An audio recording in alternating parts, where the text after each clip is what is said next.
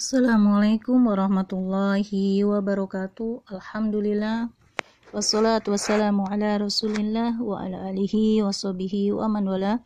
Asyhadu an la ilaha illallah wa asyhadu anna muhammadan abduhu wa rasuluhu amma ba'du.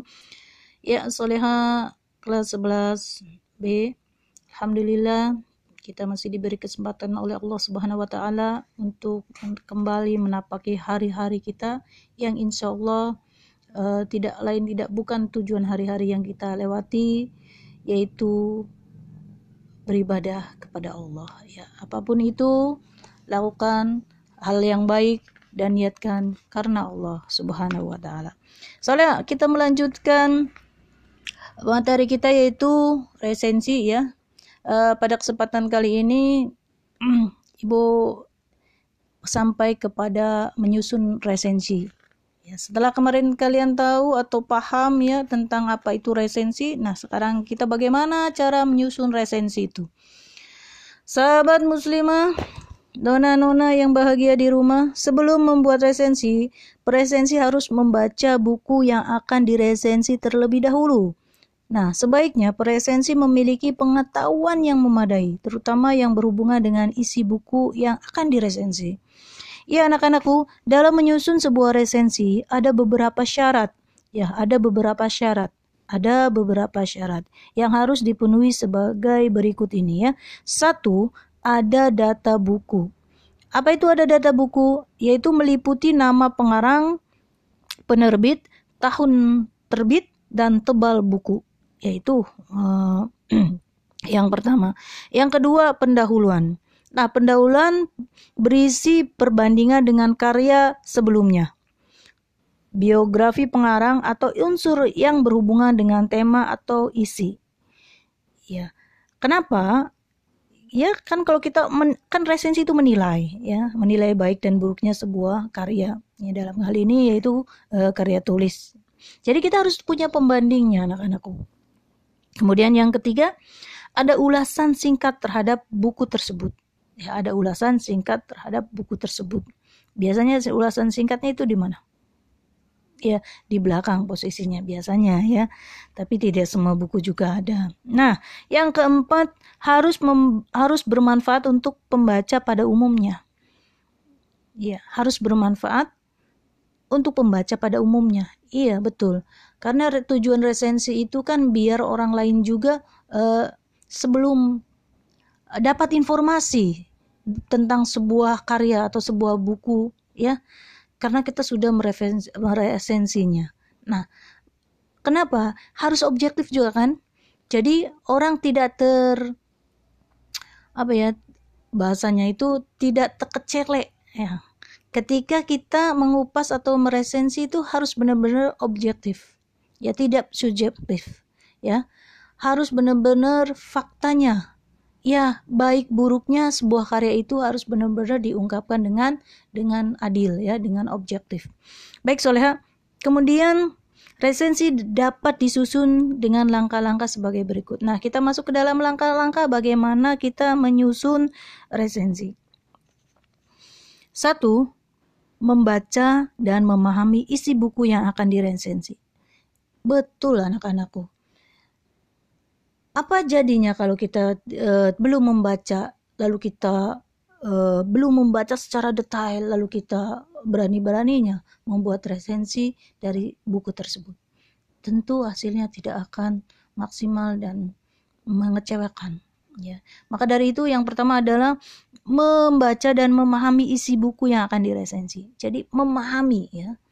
Kemudian yang kedua membuat judul resensi. Yang kedua membuat judul resensi ya judul kadang memang ada yang sama dengan isi uh, judul buku. Tapi uh, alangkah lebih menariknya ya lebih bagusnya lagi ahsannya lagi ketika kita membuat judul resensi ya tidak pertama tidak bertolak belakang dengan buku yang kita resensi tapi sekaligus kita lebih menarik sehingga ada perhatian dari khalayak umum uh, untuk membaca resensi buku kita. Nah, misalnya, misalnya, misalnya ya, misalnya uh, ada buku fikih sunnah wanita. Nah, judulnya buku fikih sunnah wanita. Ketika misalnya ibu meresensi, maka boleh membuat judul tapi tidak bertolak belakang atau tidak e, berlawanan, tidak nyam, e, harus nyambung ya dengan buku tersebut, dengan judul buku tersebut. Misalnya buku judulnya Fikih Sunnah Wanita. Nah, e, ibu bikin judulnya dengan begini, e, judulnya boleh juga dengan judul resensi fikih sun, resensi buku fikih sunnah wanita. Boleh juga ditambahkan ya boleh juga ditambahkan untuk menarik perhatian halayak umum ya ya boleh dengan uh, kenali dari buku ini fikih apa sunnah wanita atau sunnah sunnah wanita. Ya dalam hal ini fikih. Yang bolehlah terserah ya uh, untuk ini. Tapi yang jelas tidak boleh berlainan. Judul misal berlainan tuh begini anak-anakku.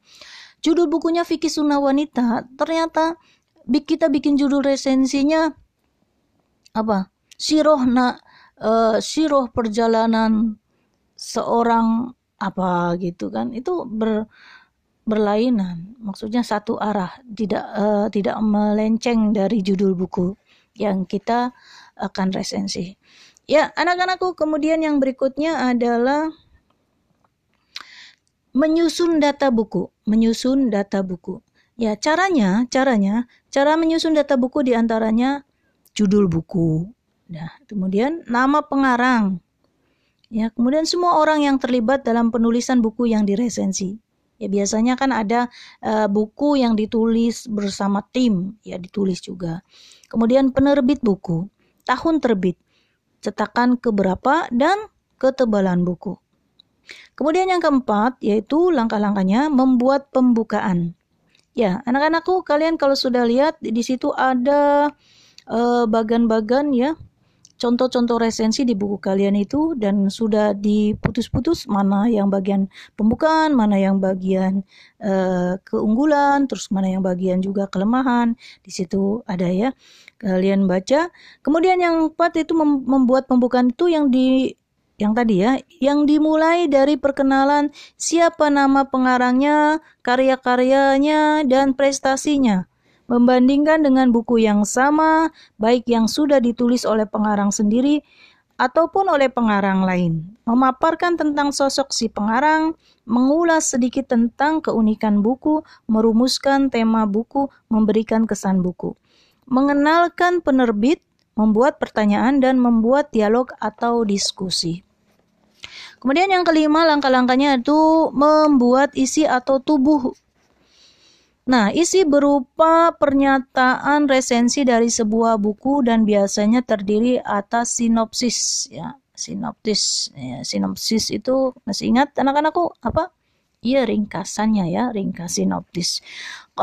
Ulasan singkat tentang poin utama dari isi buku serta keunggulan dan kelemahan buku. Nah ini uh, keunggulan dan kelemahan buku ini ada terdapat pada isi buku ya membuat isi eh, terdapat pada isi atau tubuh.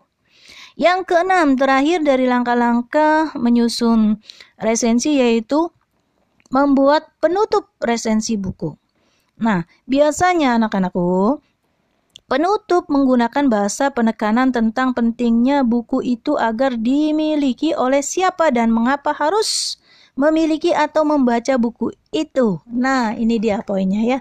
Kayak ada semacam promosi, tapi promosinya tidak ekstrim ya. Uh, uh, berdasarkan ya fakta tadi kelama, keunggulan dari buku itu. Nah, apa-apa, tidak apa-apa ya. Ya, baik Soleha, itu dari sekilas tentang menyusun resensi ya anak-anakku soleha semuanya dan tugas pada pertemuan kali ini adalah hmm, kalian membuat membuat resensi. Enggak enggak membuat resensi anak-anakku. Ya kalian hanya menuliskan poin-poin yang ibu sampaikan tadi ya. Poin-poin pentingnya. Silakan ditulis catatannya kemudian diupload di Google Classroom ya. Baik, demikian dari Ibu cukup sekian. Apabila ada curhat-curhatan, uh, silakan japri Ibu. Ya, Assalamualaikum warahmatullahi wabarakatuh.